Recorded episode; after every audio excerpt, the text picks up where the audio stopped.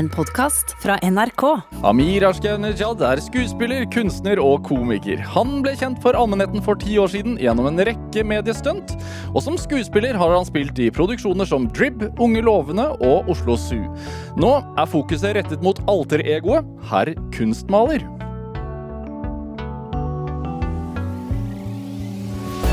Dette er Drivkraft med Vegard Larsen i NRK P2. Amir Ashkanijad, velkommen til Drivkraft. Jo, tusen takk. Var det helt feil? Nei, det var fint. Du kunne sagt 'herr kunstmaler' òg hvis du ville. Det var, hadde vært lettere. Men da måtte jeg kanskje snakke litt annerledes og vært annerledes. Herr kunstmaler! Her. Altså, han snakker sånn? Han er høyt. Han snakker høyt. Ha mer selvtillit. Han har veldig høy selvtillit. Jeg tror ikke han vet det selv engang at han har selvtillit. Og det er veldig deilig når, jeg, når jeg kan være herr kunstmaler. Når er, når er du blir han? Eh, når jeg maler, og kanskje hvis jeg kan eh, Hvis jeg skal på en eller annen eh, arrangement, eller hvis det er på en eller annen sånn Jeg skal møte folk, så kan jeg ta på meg hatt, den røde hatten min og, og gå og møte folk. Det føles veldig fint å ha oppdaga herr kunstmaler.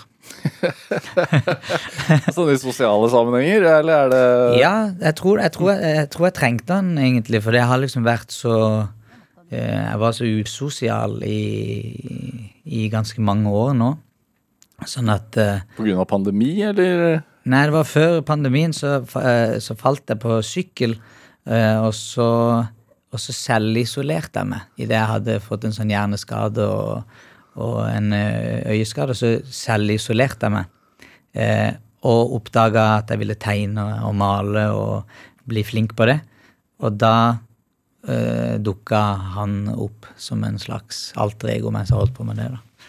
Så, så jeg var faktisk selv, jeg gjorde det i ett år før pandemien. Så jeg husker når pandemien kom, så var jeg sånn Nå skal jeg ut!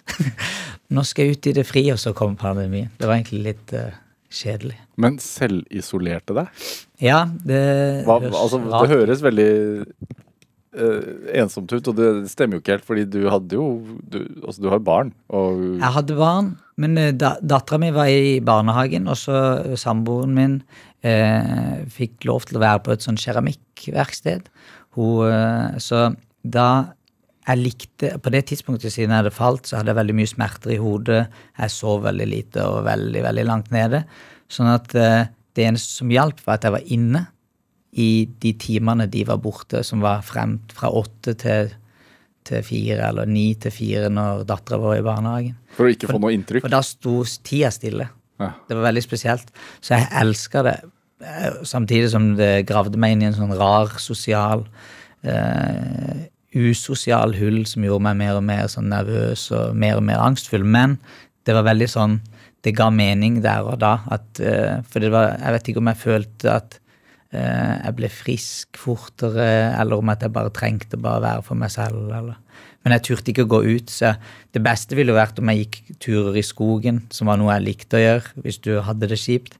Men jeg gjorde ikke det heller, for da ville tida gått veldig fort. Og så var det barnehagen, og så kom de hjem, og så ville livet starte. Ja. Så jeg gjorde liksom det eh, ett år. Jeg var bare hjemme. Og så det eneste jeg gjorde, var å lære meg å tegne, faktisk, og se på dokumentarer om kunstnere og kunstmalere. Men du har jo gått på KIO, altså på Kunsthøgskolen. Jeg gikk på det, men jeg utnytta ikke min, eh, mine fem år på, på Kunstakademiet eh, retta mot eh, kunst på den måten som jeg burde ha gjort. Hva rettet du det mot? Eh, vi begynte å lage sketsjer og humorsketsjer. Veldig sånn tydelige sånn der eh, SNL Bare sånn her Saturday Night Live. Ja, veldig, sånn, ve veldig tydelig. Sånn, det var ikke noe sånn der eh, Det høres teit ut, men det var veldig sånn Det var ikke noe sånn kunstsketsjer, hvis det gir mening. Det var sånn det var veldig rart. Det var veldig tydelig. Det her er sketsjer. Dere har sett det på TV. Vi prøver å gjøre det live. Revy, kanskje. Litt sånn revyaktig, da. For en kunstsketsj er en performance Ja, som kan vi måtte noen ka- ganger altså, kan grensene hva er grensen egentlig? Jeg, vet, det, jeg tror det er mye mer Jeg tror faktisk at jeg, kan, jeg, kan, jeg, kan, jeg tror performance er vanskelig å definere, men jeg, tror at performance er en sånn mye mer sånn delaktig ting med publikum. Eller det, er litt mer kanskje sårbart, eller det er noe eh, litt mer på spill når du gjør performance. Men var, vi kalte det performance, det var ikke så mye på spill. Vi var der, Vi spilte ut en vits i løpet av 10-15 minutter, og så sa vi takk for oss. Eh, Hvordan blir det tatt imot for, på en utdannelse for, for billedkunst, eller kunst generelt? da? jeg, jeg tror jeg, jeg tror folk syns det var jeg, jeg tror ikke de sa så mye Det har man ikke sensor, har man ikke lærer. Fortell. Jo, Alle ja, kortene men på bordet. Det, men det, det her er det, det jeg mener, for det var derfor jeg var så um, Det er derfor jeg brukte de to årene på Fordi de årene jobba jeg med mine venner, med min søster, og vi lagde disse tingene, og jeg måtte alltid ta igjen. Å ja, ja, ja, jeg må ha sånne samtaler med lærere. Så jeg hadde alltid de på slutten av året. Jeg var veldig sånn Jeg burde ha skjønt bedre når jeg var på Kunstakademiet. Jeg, burde, jeg burde gått på verkstedene. Å ja, vi kan drive med skjæring. Jeg burde ha gjort de tingene alle de andre gjorde. Eh, heldigvis var jeg venner med alle. Eller sånn, det var ikke sånn at jeg eh, Det var bare av en eller annen grunn så skulle vi lage det her. det var det vi hadde lyst til å holde på med. Jeg husker ikke om sensorene var veldig sånn stor fan av det, eller noe sånt. Men det var derfor også vi dro det til det var derfor også vi gikk og tok standup-kurs etterpå for å kunne stå standup, for å bare finne ut om er det her, er det her morsomt, er det her Har du eksempler på en, på en sketsj som dere klekket ut på Kunstakademiet, som du fremførte for sensoren din? Uff. Oi, oi, oi, oi. Ja, den her det, Ok, det her er ikke veldig morsomt, men jeg husker Vi hadde en eh, Det var faktisk avgangsutstillinga eh, på master. Så hadde vi en sketsj som begynte med at vi løp rundt i den der Stenersen-museet og var sånn Nå er det sketsj! Nå er det Vi kalte oss That Purple Stuff, som var en sånn vits han eh, Dave Chappelle hadde fortalt. Ja.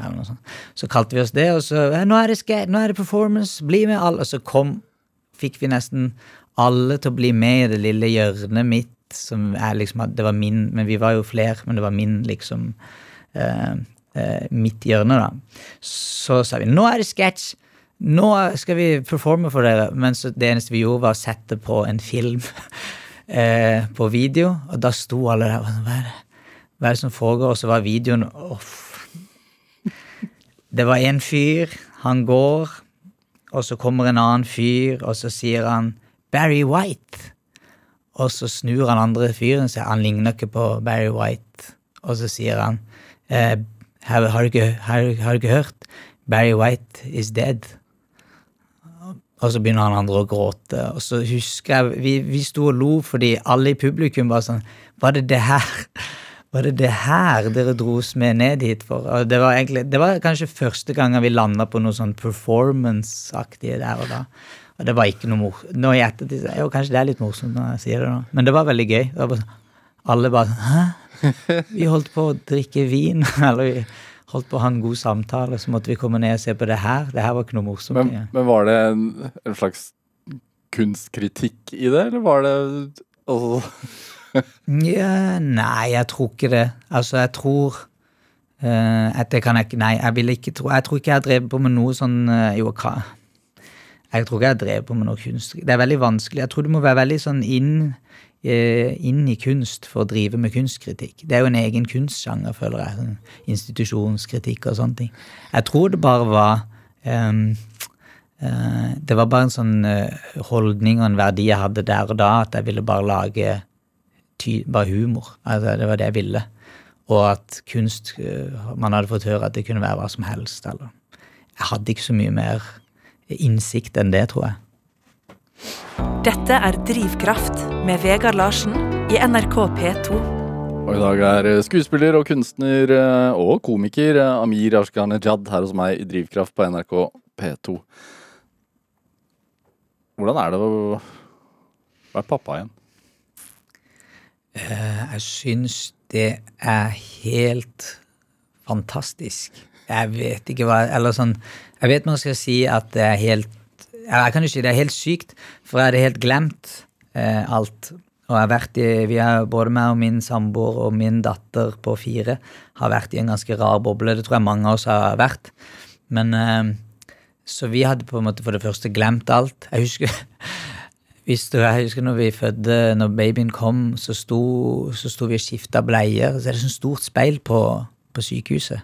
Sånn stort speil, og så sto vi og skifta bleier. Og så var jeg sånn, hvem er de der gamle folka? og så så jeg opp, for var, jeg var veldig trøtt. Jeg var sånn, hvem er de gamle folka der? Eh, og ja, det er oss. Vi har blitt gamle. Å, gud. Så det føltes litt Du føler at du har blitt eldre, men eh, Og hadde liksom glemt alt som hadde med bleieskift, eh, masse amming, magevondt, Ja. sånne små ting som Hva er det han vil nå? Eller du vet egentlig at det er de små tingene. Hvor gammel er han nå? Han er bare tre uker. Ja. Så du vet at det er bare de tingene, men du er veldig sånn Å, gud, hvorfor sover han hele tida? Hvorfor sover han hele tida? Du burde egentlig sette pris på det. Men, eh, men det satt til side. Han lukter helt fantastisk. Det er jo magisk i seg selv. Å tenke på at babyer har lukta så godt til og med når det var middelalderen. Det har jo vært helt rått når de lukta vondt. Men um, Alle andre lukter alle bare sånn 'Kom her, lukt på babyen'. Gnikk han mot deg. Nå har du parfyme. Sånn, eh, ja, alle andre lukter vondt bortsett fra babyer. Men eh, jeg, jeg, kan ikke si noe annet enn at jeg syns det er helt magisk. Og det er veldig gøy, fordi dattera vår er jo er blitt sånn, hun er fire, og vi var litt sånn Vi vet ikke hvordan hun skal være. Men hun har jo bare vært helt sånn stolt eh, storesøster. Ja. Så hun er med og hjelper og sånn, så det hjelper, det hjelper oss litt, da. Å ha en ung person der. Du, du annonserte jo, eh, i hvert fall for allmennheten, at du skulle bli pappa for andre gang på Kongen befaler på TV Norge. ja. Var, eh, altså, var unnfangelsen en del av en konkurranse, eller er det Ble det, ble det bare Passet det sånn heldig? Det var, det var Vi fikk oppgaven, husker jeg. I, vi fikk den jo, vi hadde 100 dager på oss. Altså Kongen befaler på TV Norge, Ja, program.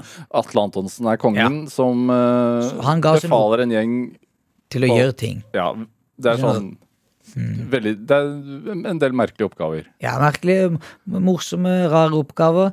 Og det han eh, hadde gitt oss i oppgave i begynnelsen av mai, var at dere har 100 dager til når vi skal i eh, Dram, Drammens Teater, dere skal komme med li, Dere skal skape liv. Så da gikk jeg rett hjem og sa sånn eh, kan vi nå, Du er jo blitt gammel, holdt jeg eller Nei, at det kom feil. Men hun hadde fått beskjed om at hun hadde nettopp faktisk fått beskjed Hun var 40, hun er min samboer, min kone er 40. Så hun hadde fått beskjed om at hun måtte kanskje, hvis vi skulle ha en til, så var det nå. Og vi kunne ikke ha fått noe før, for vi hadde ikke noe mulighet til å ha det noe før. Um, så, da, så da måtte vi begynne Da måtte vi lage liv, da. Da måtte vi begynne de der tingene vi ikke, de gamle lekene vi ikke huska fra før i tida. Eh, og så ble det Det var helt tilfeldig. Én til to uker før vi skulle inn til Så, så fikk hun ikke Og det var helt sånn Og det var så rart, fordi vanligvis så sier man 'Hæ, er du gravid?' 'Nei, så rått'. Er det det? Det første jeg sa, var 'Rått, nå vinner jeg oppgaven'. Nå vinner jeg jo den oppgaven. Så det er litt sånn trist og komisk i seg selv, da. Ja. Så det var veldig Eller jeg visste jo ikke om jeg vant, men jeg husker jeg tenkte nå jeg, da kan jeg ta med det som livet. Men jeg, jeg, så dette på, på programmet da du gjorde det, og så med en gang så tenkte jeg sånn Nei, det stemmer jo sikkert ikke. Det er, det er Amir. Det er jo sikkert nok et mediestunt. Hvorfor, hvorfor tror du det har blitt sånn? eh, at man kan stille spørsmålstegn ved, ved, ved, ved ting du gjør? Jeg vet ikke, jeg, fordi jeg har ikke gjort så mange av de der mediestuntsene uh, alene. Jeg har jo gjort de egentlig i, i regi av min, eh, min, eh, min venn Kristoffer Borgli, som er nesten bedre på de der mediestuntsene. Men vi har jo gjort de tingene sammen, eller de har vært litt sånn Så samtidig? Og han flytta ut til LA, så sitter jeg på en måte igjen med at alle tenker at Amir Amir gjør det. Som jeg sa til deg i stad, jeg må jo brødfø familien hvis folk tror eh, at jeg gjør medie. Men det er, jo noe, det er jo noe gøy med det. Det er så klart man liker det, og så er det jo Det er jo et annet type form for humor. Så når du liker humor Og den tingen eksisterer ikke så mye i Norge, men jeg føler den eksisterer mer i andre land, eller den er gode eh, Pranks, liksom? pranks, liksom. Det er veldig interessant. Altså, i Norge Jeg vet ikke om det er fordi man er så lite land, eller alle er så høflige, eller alle er venner med alle. Så opplever jeg det litt sånn at uh, man har Man har jo eksempel ikke sånn at man kødder så mye med kjendiser lenger. Alle er jo bare blitt gode kompiser med kjendiser. Men jeg føler før så ble det komikere kødde med kjendiser. Og før så kunne komikere eller folk som dreiv med en form for humor, tulle med sitt publikum òg. Hvordan da? Eh, nei, alt fra du har, Det er jo veldig sånn eh, banale og tydelige eksempler som Borat og alle de der mm. eh, Men også liksom Jackass, når de begynte å flette inn sånn her eh, fiksjon og i form av sånn her Bad Grandpa, og når de liksom eh, Så den Jeg vet ikke, jeg føler det er en sånn tradisjon som eksisterer. Eh, men som jeg, jeg har ikke sett så mye av det. Kanskje Kristoffer Schou gjorde noe greier en gang. eller eh, Men folk har kanskje blitt hyggeligere her, eller søtere. Eller de tror kanskje at man ikke skal gjøre sånn. Ja, så det var veldig gøy. Vi, jeg synes det var, vi koste oss veldig mye med det, meg og Kristoffer. At det ble litt sånn skurring rundt det, og folk ikke helt vet Folk burde jo ikke egentlig vite hvor de har folk heller. Det er jo litt gøy. Hvordan da? Nei, jeg vet ikke hvor Er ikke det, er ikke det litt spennende, da? At du liksom ikke helt vet hvordan, hvor du har folk? Ja, og det er litt sånn Dere iscenesatte f.eks. en, en eh, video eh, som ble lagt ut på YouTube, eller hvor det var, hvor du, Worldstar Ja. hiphop, tror jeg faktisk. ja, hvor, hvor du ble, fikk tilsynelatende til, ordentlig grisebank av en eh, dørvakt. ja. Uh, Overraskende vondt òg, fordi det var fake, men det gjorde veldig vondt, for han var veldig hardhendt, han der som slo. Han som slo, eller han bomma, men han klarte av en eller annen grunn å treffe meg òg. Ja, det var fake, og det var veldig gøy. Det var jo gøy at det bare Det fikk jo sånn flere millioner visninger. visninger i løpet av et døgn, eller noe sånt. Og folk var opprørt. Ja, Ja. det var det. Men det Det hadde jeg òg vært hvis jeg var sånn som ble opprørt av å se en fyr gå med et balltre mot en Det er jo sprøtt. fortell, fortell om dette her. Nei, altså, videoen er jo at jeg går med et balltre opp til en fyr som sitter bare og egentlig slapper av. Som ser ut som en dørvakt. Og så Jeg vet ikke hvorfor en dørvakt skulle slappe av, men han sitter og bare slapper av. Og så begynner jeg bare å yppe med han. Og da Da er han jo ti ganger større enn meg, og så slår han meg ned. og, og jeg, men jeg, jeg husker, det var jo berettiget. Alle var jo imot meg.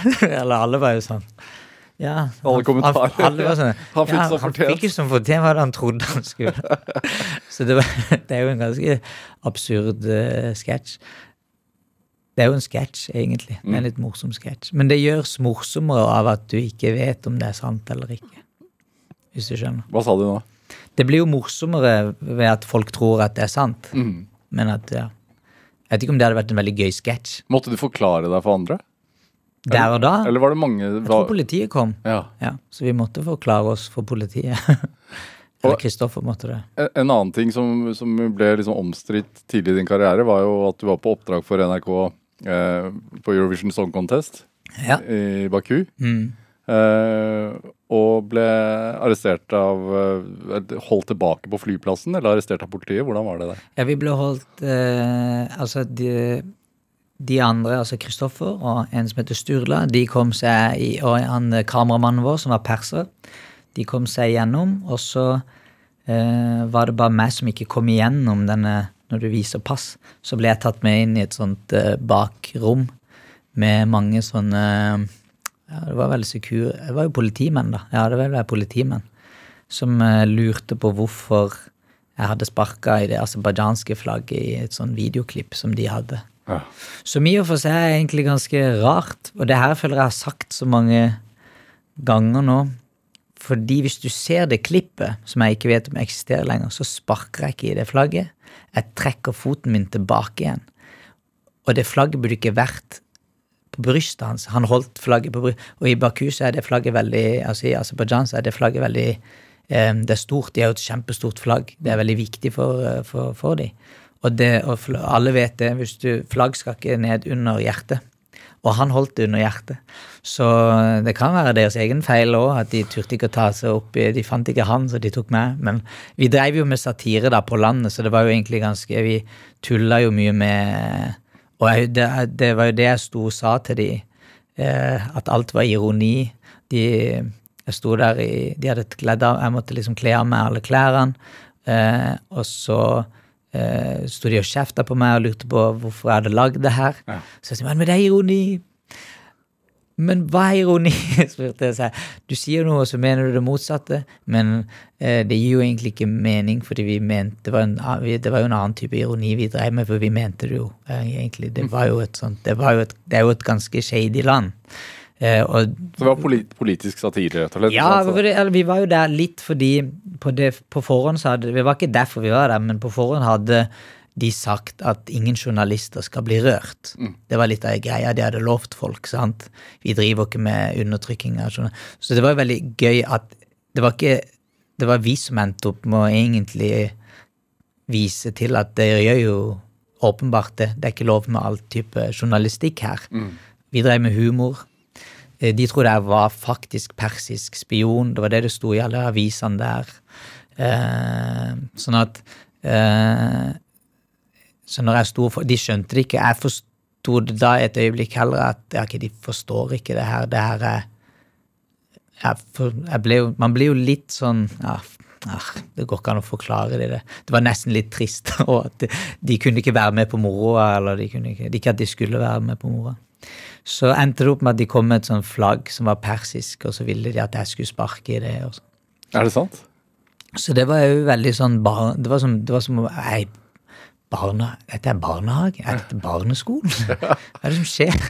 Er det så Så det var veldig sånn, så når vi så dro vi bare ut derfra, så og så prøvde vi egentlig å si det til eh, Vi ringte til NRK, vi ringte til sjefen vår, Charlo Halvorsen og de, og så sa vi Hei, kan vi Dette har skjedd. Og så sa de bare ikke si noe før Tooji har spilt. Og så Og så tapte Tooji. Og Tooji burde ha trukket seg. Det vil jeg alt, og det sier jeg som både landsmann på to nivåer, og som, eh, som, eh, som et, et, et medmenneske òg. Hvis det er noen andre folk gjør, så burde du gjøre, du burde gjøre sånne, man bør gjøre sånne standpunkt, spesielt hvis man er moral. Hvis man skal ha sånne moralske sånne holdninger. Jeg husker de hadde det, og de gikk rundt og sa sånne ting på den tida. Men hvis man Hvis man øh, søker opp det på internett nå, så står det jo at du fire år etterpå har fortalt den norske medier at det var bare et stunt, det var bare løgn. Ja. Du ble ikke arrestert. Ja. Men nå så sier du at du ble det. Altså, Ja, men det var jo et sånt valg vi Vi lagde en film, meg og Kristoffer. Eller Kristoffer lagde en film som jeg var med i, Uh, som var en del av en uh, lengre prosjekt vi hadde hatt sammen, som het Drib. Og i den så skulle vi ha med disse små historiene. Og da var begge tos ønske fra liksom, det er nesten sånn eh, synkront at dette her har vi lyst til å si var løgn, fordi man kan velge det. Og det er en film som spiller på både løgn og fiksjon og hva som er virkelighet og ikke, og sånne ting. hva som er iscenesatt, hva som eh, Ja, ikke er så, sant. så så det er veldig sånn fint flyt i det i den filmen, så eh, for meg var det en sånn ja, ok, dette, har, dette får vi lov til, det er vår det, er vi som, det, det her skjedde med oss, da kan vi også si at det ikke skjedde med oss. Men det skjedde med oss, og det burde ikke ha skjedd, og NRK burde ikke ha Ja. eh, ikke støtta oss, og heller støtta Tooji. Ja, nå er det ikke noen fra NRK eller Charles Halvorsen her til å Ja. Svare Nei, på akkurat det. Altså, Men bare for å si det. Så. det, det vet jeg. Men jeg kan si det for det. jo. Jeg Eh, er voksen jeg nå når jeg ikke er barn lenger. men, men, men det at eh, det verserer så mange eh, versjoner eh, på internett, Ja. hva syns du om det? Er det Um, det, får bare, det får det bare gjøre, syns jeg. Jeg husker det var faktisk Eller det er, ikke, det er ikke om det samme, men jeg husker det var en videoklipp de lagde av meg eh, der jeg, med sånn her kul teknomusikk der jeg sparker. Der de har klippa det frem og tilbake, der jeg sparker i det flagget, blant annet. Og jeg husker jeg, jeg syntes det var veldig morsomt å bli en meme. Men det var jo også en av grunnene til at jeg fikk Siden utfallet var å jeg sitter her i dag, eller at man liksom Man fikk jo noen dødstrusler og sånt, det var ubehagelig. Men siden du liksom har kommet deg litt helskinna ut av det, og du vet at du ikke gjorde det, eh, så kan jo hva folk skriver om sånne ting, være hva de vil skrive. Kan det ikke det? Du gjorde det god Du gjorde det ved godt mot. Det var godt mot i alt. Men har det vært interessant for deg også, som, også siden du har den bakgrunnen du har med kunstutdannelse sånn, at altså sånn, sånn som du sier, at vi, vi var der. Vi kan eie om det var, eie virkeligheten i media eller ei. Om det har vært viktig for meg? Ja, altså om du tenker at det er, er interessant. Altså sånn hva som er medievirkelighet, hva som er ikke Altså hva som er faktisk virkelighet. Ja, det, eller sånn, det, vet du hva, jeg har Det er sånn fly, Jeg tror det er litt sånn flytende. Jeg tror ikke jeg har tenkt mer på det enn jeg ikke har tenkt på det, på en måte. Jeg vet at Kristoffer tenkte mye på det. Som sagt, dette var jo en sånn ting vi gjorde i hans eh, regi òg.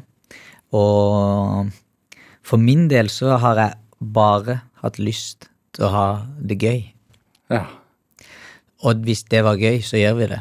Hvis det er gøy, og det er jo gøy, det er klart det er jo gøy. Det er jo ikke noe galt i det. Syns du? Eller? Gir det mening? kanskje ikke så gøy å bli holdt igjen på flyplassen. Nei, det var ikke gøy. Nei, men da får du en slags advarsel, da. ikke gjør det her i Aserbajdsjan igjen. Uh, Amir, vi skal spille litt musikk. Ja. Du, du har med en låt som uh, jeg tror jeg ikke har hørt før. Uh, 'Morda med Gogosh. ja. Hva, hva er dette for en låt? Det er en veldig, veldig fin låt. Det er en låt jeg, jeg har hørt mye på. Eller jeg hører på hun er en av de eh, flotteste sangerne fra, fra Iran. Eh, og denne sangen, eh, den er veldig fin fordi den Hun synger om at hun skulle bli havet, eh, men så ble hun en myr istedenfor. Det er det den handler om. Jeg syns det er veldig flott. eh, ja. Hvorfor, hvorfor er den viktig for deg, den låten? Jeg tror det er noe veldig sånn eh, man kan føle seg hvis man Jeg tror det er veldig sånn menneskelig eh, at det, livet kan gi deg den Jeg tror hvis du vokser opp i et land der du kan kjenne på det at du kan eh, bli noe eller gjøre noe, eller der du har liksom friheter til å eh, eh, litt gjøre hva du vil, eh, eller sånne ting, så kan du kjenne på den følelsen av at du kommer til å bli Du kan bli havet, du skal bli noe som er i bevegelse hele tiden, og noe som lever hele tiden. Og eh, ja, som sagt, ha det gøy. Eh, og, eh, men så kan du også føle at du noen ganger blir en myr, der du bare sitter fast, og det bare blir mørkt og, og tungt, og du kommer ikke til å bli den der, det store havet. Skal vi høre? Ja, hør.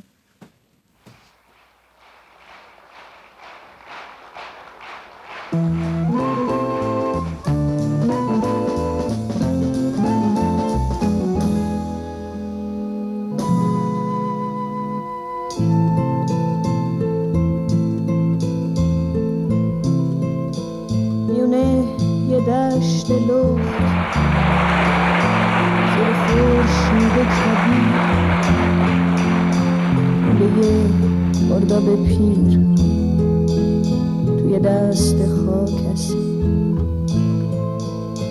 منم اون مرداب پیر. از همه دنیا جدا. داغ خورشید به زنجیر زمین به پا. من همونم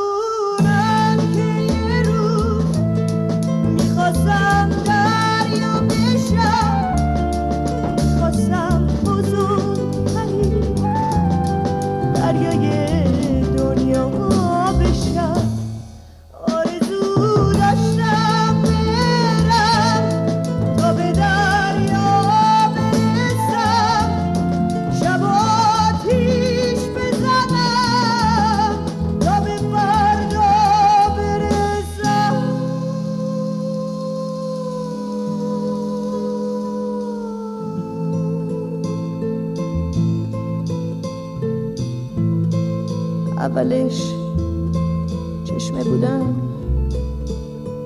زیر آسمون پیر. اما از وقت سیاه راهم افتاد به کبیر. چشم من چشم من به اونجا بود. پشت اون کوه بلند. اما دست سر سر را نجاله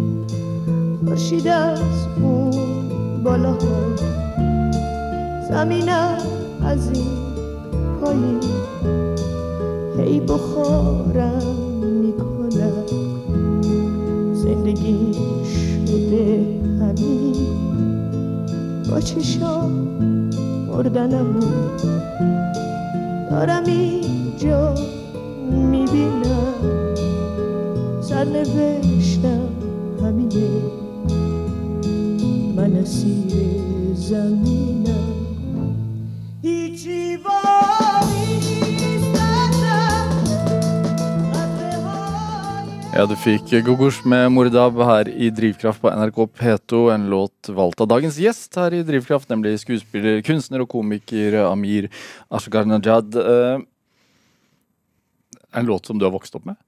Ja, vi, altså, vi vokste opp mye med hun eller Gogosh og sånn eh, låter i, i barndommen, ja. Ja. ja. Det er veldig fint. Det, du blir alltid sånn nostalgisk av å høre på det. Er, er du Når flytta du til Kristiansand?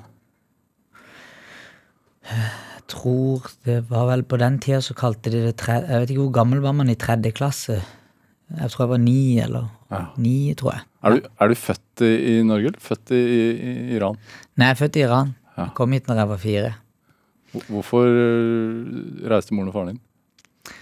Fordi de var helt rå mennesker.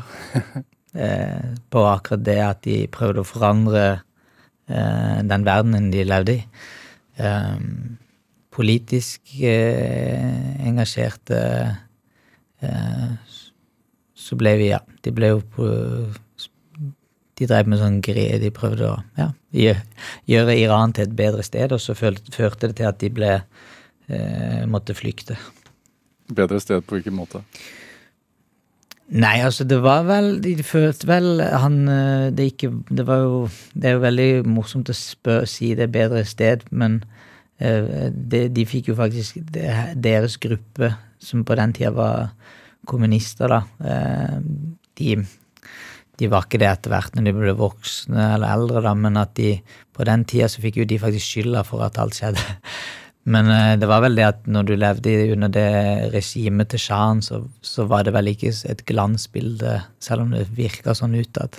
Selv om det å bo i Iran på den tida var veldig, veldig fint og vestlig. Som sagt, jeg fikk jo lagd musikk sånn som Gogosh og, og, og sånne ting. Men det var vel veldig mye som også føltes undertrykkende. Eh, Jeg husker mamma og de pleide å fortelle historier om at eh, Nei, det var ma- masse sånn alltid masse sånn torturhistorier og sånn. Så de ville jo bare gjøre det til en, en slags utopi. Da, eller andre. De hadde vel, de var unge, hadde en romantisk idé om at jeg tror Hvis du er litt romantiker, så tror jeg du faller for den der eh, solidariteten som fins i, i kommunismen, den der det å dele og, og sånne ting, som ofte blir litt sånn eh, Det fins aldri nok romantiske folk til å utføre en slik regimeskifte uansett, så den utopien har vel aldri dukka opp eller skjedd. Det har alltid vært mange eh, Ja. Så de, de ble flyktninger, og da flykta vi Iran når vi var to-tre år gammel. Til Tyrkia. Når du har, du har en fireåring sjøl nå, og så har du en på tre uker. Mm. Hva gjør det med den historien for deg? Uh, det er uh, litt uh, Det er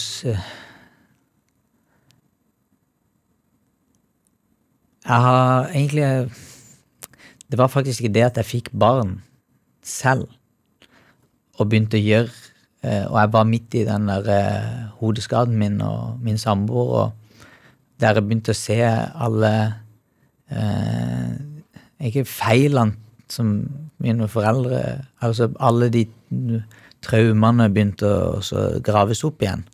Uh, og så begynte jeg også å skjønne at uh, uh, Her er så Jeg vet ikke. Jeg er så, hel, jeg er så heldig at dattera mi går rundt og sparker på en sparkesykkel, og hun er fire, istedenfor å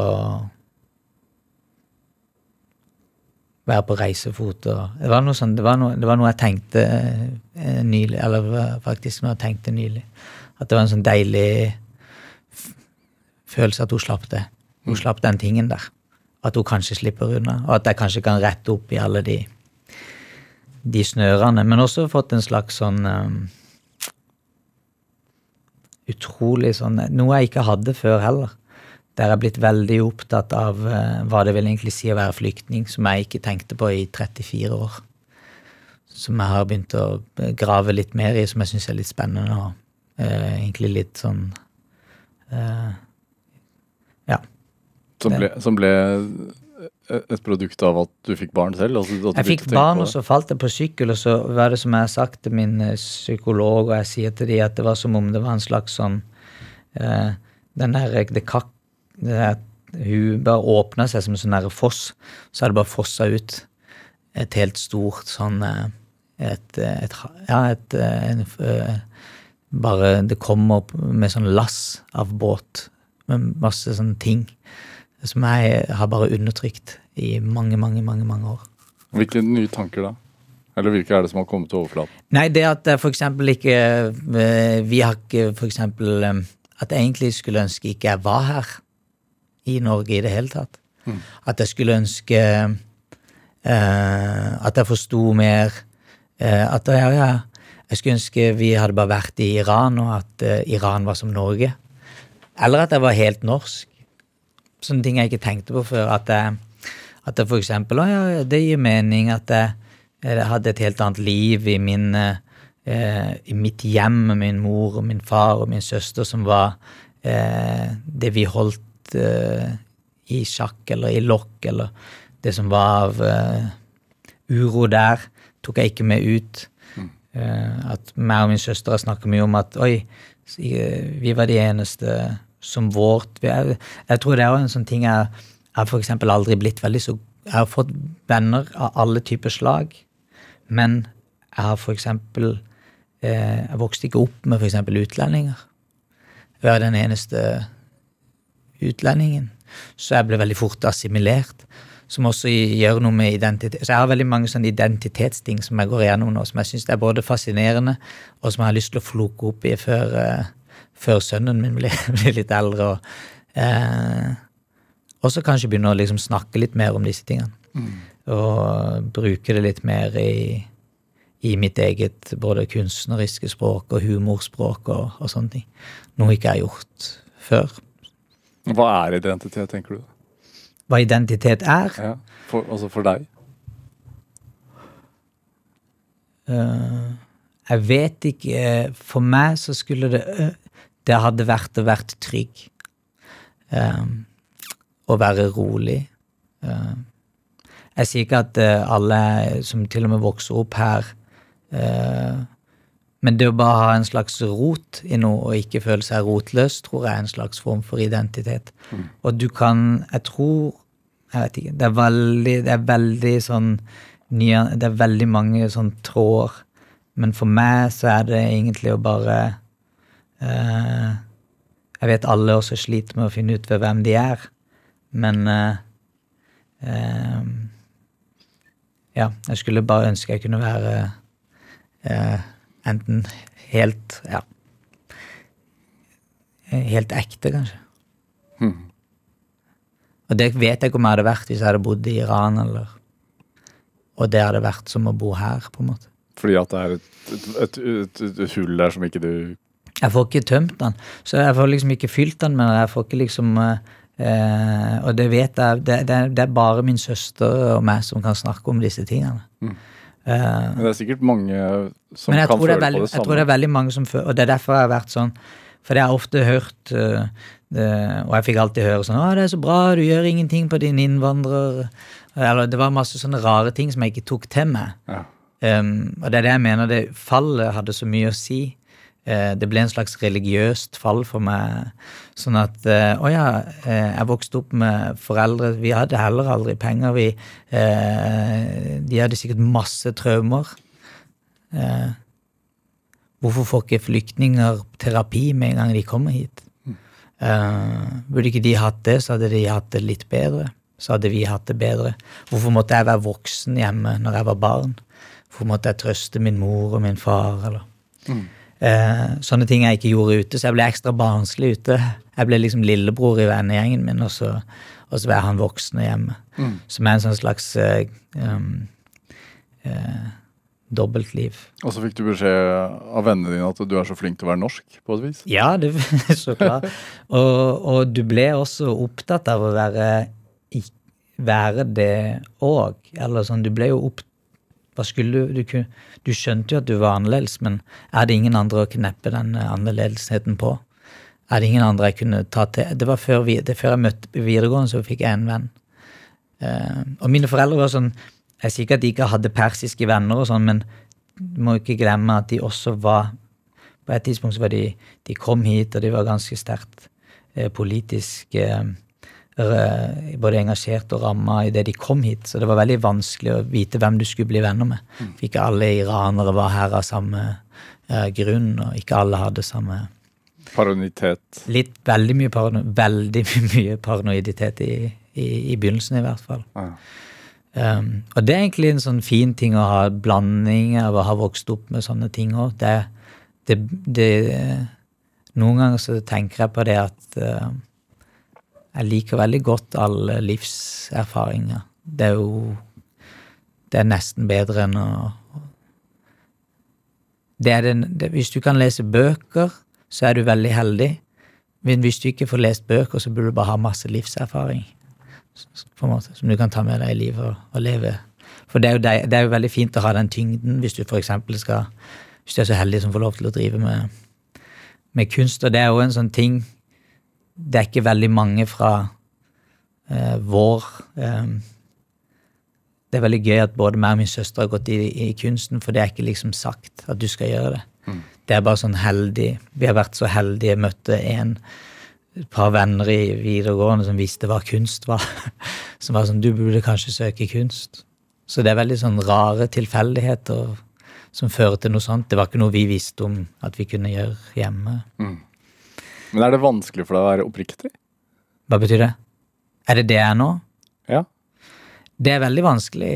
Eh, men jeg tror kanskje det er på eh, noen vet, eh, Ja, eller eh, Ja, jeg syns det er litt vanskelig. Jeg vil gjerne mer Jeg, kan godt, jeg vil gjerne tulle mer. Absolutt. Men, eh, men så tenker jeg på det at det er kanskje ikke min plass å tulle. Um, jeg har på en måte hele tiden tenkt at For jeg har vært både i humor og, og eh, egentlig disse miljøene jeg har vært i, så har jeg som sagt, som jeg sa, jeg har eksempel aldri Jeg har ikke tatt noen snarveier.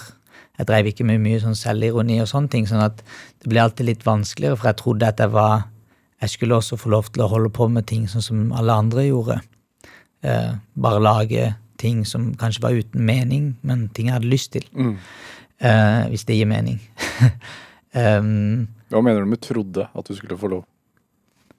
Nei, for jeg gjorde det jo bare. Um, men så, så føler jeg at jeg ble parkert litt uh, når jeg innså at uh, At jeg kanskje ikke sitter på det privilegiet, og at jeg kanskje sitter på en annen plikt. Uh, kanskje jeg ikke skal flykte fra For meg er det skumlere å gå og grave inn i min bakgrunn og begynne å fortelle folk om det. Der det kanskje for veldig mange ikke var det før. For meg var det mye deiligere å bare skjule alt det. og sånne ting. Så for meg er det litt mer spennende. Det er nesten som å være på skattejakt inn i noe mørkt og traumatisk. Um, men jeg føler det er fordi jeg tror kanskje det er min datter og min sønn som skal få lov til å få det privilegiet av å uh, kødde rundt og tulle med det de vil med livet sitt. Og så får jeg bare Eller noen andre, da, som eh, kommer etterpå, som kan få lov til det. Så kan jeg få lov til å være han som eh, forteller om det og sier at det, det kan gjøres, kanskje. Det gikk Det går fint. På en måte. Ja. Eller? Ja. I, i, kunst. Ja, i I kunst og humor og Men i kunsten din også, herr kunstmaler. Ja. Så altså, Du sier at du, at du har begynt å grave litt i, i din egen biografi. Og du Ja. gjør jo det der, Ja, ja, ja. men på et humoristisk vis. Ja, også. absolutt. Mm. Må, til. Er det Har du opplevd at noen som kjenner deg godt fra før, har blitt, fått en sånn aha-opplevelse etter at du begynte å være mer oppriktig over liksom, bakgrunnen din? Jeg vet ikke. Jeg prøvde å fortelle det eh, til mine barndomsvenner. Eh, at eh, du vet, det var sånn og sånn hjemme hos oss hele tiden. Jeg liker ikke å si alt heller, fordi jeg, jeg male, jeg holder på å male disse bildene, og de er en del av et sånn større prosjekt som jeg kaller for oppvekstromanmaleriene. Eh, så jeg har ikke lyst til å fortelle alt som skjedde i Jeg vil heller male de. Og Er det lettere å male det også, kanskje? ja, det er lettere å male de. Og så um, Men da husker jeg Det var min sånn Det var derfor jeg alltid var seint ute til ting. Eller det var derfor det alltid var måtte, Man måtte liksom alltid roe en situasjon før vi kom eh, hjem. Før vi kom oss ut. Eller Det var derfor jeg aldri ville hjem. Eller Ja. det var sånne ting, da. Men igjen så er det liksom Det å ha blitt foreldre gjorde det også mulig til å både se disse tingene og både eh, skjønne at eh, Både se de og det, det liksom å tilgi sin egen eh, eh, oppvekst, da. Fordi de var jo unge.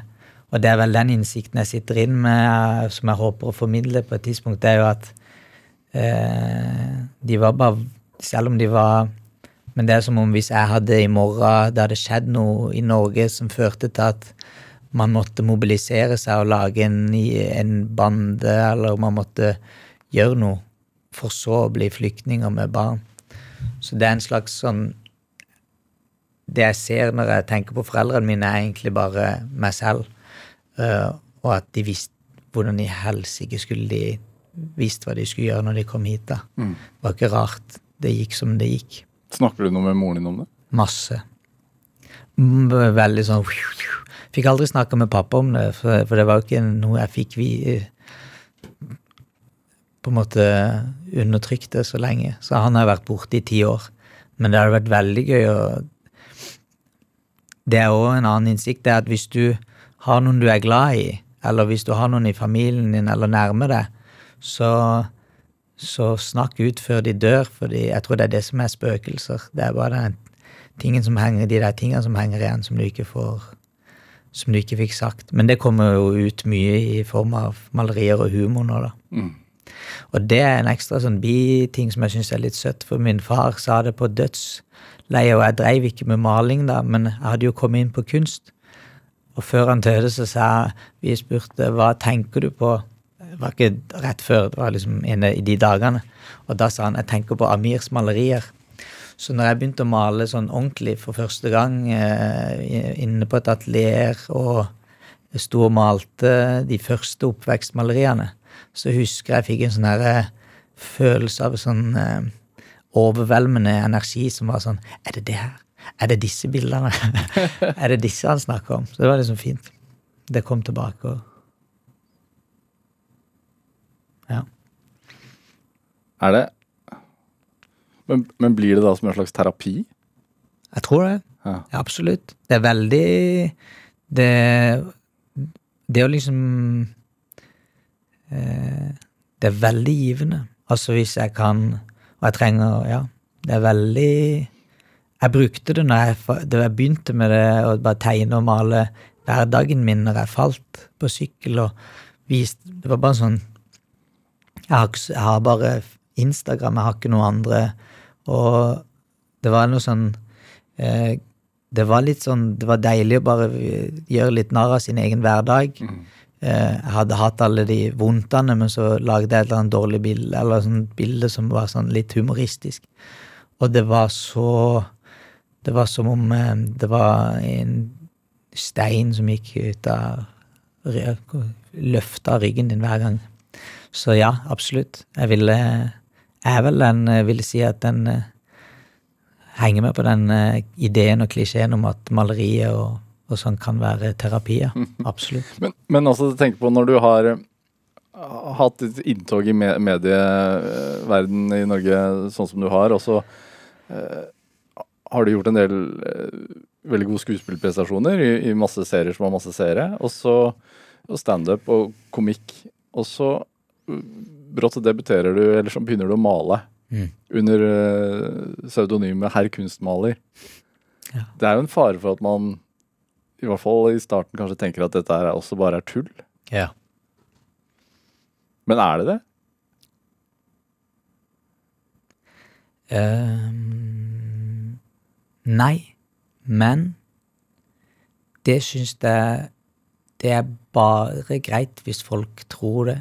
Fordi jeg, er blitt helt forelska i maling. Altså, Jeg vet ikke hva jeg har holdt på med de siste ti årene. Hvis ikke er det Det er noe veldig sånn Ja, nei, jeg er blitt eh, Jeg er helt overbevist om at eh, Nei, jeg, jeg, jeg hadde stå, hvis jeg skulle, hvis jeg får en sånn kamp jeg skal kjempe en gang og lage en eller annen geriljagruppe, så vil det være i maleriets ånd. Fordi det er ikke tull, nei. Men jeg syns ikke det er noe De henger Alt det henger sammen. Det er bare Min livsfilosofi er liksom Hvis jeg har en, så er det at Fordi jeg er også en veldig redd, redd, redd, redd, redd person, men at um, jeg, jeg, når, når, du, når du får liksom lysglimt i livet, og så du ser at ting går bra Mm. Når jeg nå ser at å ja, ja, ja, vi kom oss ut av det vi, vi har klart å komme oss ut av de to årene med depresjon og hjerneskade, og det går an å leve med daglig lite søvn, eller du kan det er bare en Når du ser de små tingene, så ser du også at um, Du skulle at, Det er jo meninga at du skal i hvert fall ha det gøy mens du er her, eller du skal Eh, det skal jo være litt tull. Det er jo tull. Det er jo litt tull. Eller liksom livet føles litt sånn tull, eller bare det å være planeten er litt tull. Tullete. Er det ikke det? Det var um, Hvem er det som har sagt Det er jo bare en sånn dårlig greie, men det er jo bare å se på elefanten eller nesen eller sånn Det er jo bare å se på ting rundt deg. Det er jo tullete. Um, og de som tar det veldig seriøst, det er jo de som lager krigere, det er de som gjør de tingene der. Og du har jo ikke lyst til å ende opp som de, sant?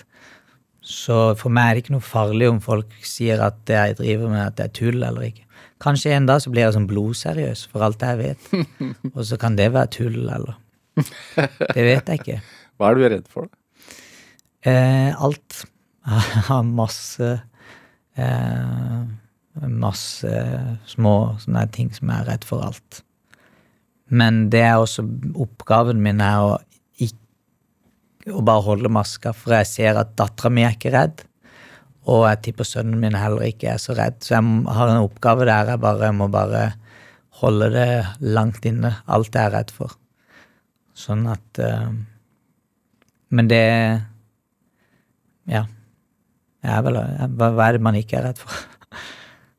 Jeg er redd for å sitte her, si- dumme meg ut, si noe dumt. Nei, jeg er kanskje ikke så redd for det. Det har jeg gjort mange ganger. Sagt masse feil. Ja. Hva tenker du er drivkraften din da, oppi det hele? Um, jeg tror drivkraften min er, eh, er familien min. Ja. Det er liksom det uh, Det er liksom det som ga mening for første gang når jeg fikk en datter. Så ga det mening at du kan gjøre alt for at den ene personen her skal Alt annet eh, er liksom luksus. Jeg vet ikke. Det føltes veldig riktig når eh, den babyen kom den første gangen. Og var sånn Ja, ja, ok, ja. Da kan jeg gjøre det. Det går fint. Så lenge liksom hun lever, på en måte. Fri fra eget hode for å ta vare på noen andre? Ja, du, jeg tror ikke du blir kvitt det der eget hode. Jeg tror det er en sånn ting Det, sånn- det, det, det tror jeg kanskje er litt sånn uh, hmm, Det blir man ikke, for du kan jo bli veldig redd. La oss si at du ikke har en jobb, eller la oss si at du ser at eh, du får ikke smør på brødskiva. Da kommer hodet og tar deg. Men det er en veldig Det er klart det er det, det som er drivkraften. Men det er også Det ville jo også vært løgn å sagt at uh, jeg ikke har en Ja, det er det. Nei. Jeg tror det er det som er drivkraften. Nå i hvert fall. Så forandrer det seg sikkert når de er blitt voksne, kanskje. Og jeg ser det går bra med de, så kan jeg, jeg kan si maleriet. Det hadde vært fint.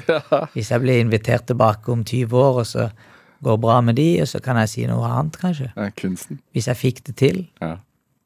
Og hjelpe familien ut av alt. Og da når jeg sier familie, så mener jeg alle. Min mor, søster, min kone, mine to barn. Og min mor, eh, min eh, kones familie. Det er drivkraft. Amir eh, Asghar tusen takk for at du kom til Drivkraft. Ja, tusen takk for at jeg kunne komme. Hør flere samtaler i Drivkraft på nrk.no eller i appen NRK Radio. Produsent i dag var Ellen Foss Sørensen, og Julia Martincic og Linn Bølstad bidro med research til denne sendingen. Dette var Drivkraft. Jeg heter Vega Larsen. Vi høres. En podkast fra NRK. Eh, Det ligger en eh, livløs jente på gulvet her. Hør nye episoder med mørke fortellinger. Du redda meg, så tusen takk. Det er jeg som er han helten. Hva sa du nå? Hva skjer når ytre press tvinger frem våre indre demoner? Trenger å være redd for meg. Jeg er ikke redd for deg! Du er en taper, og alle andre syns det! Mørke fortellinger hører du først i appen NRK Radio.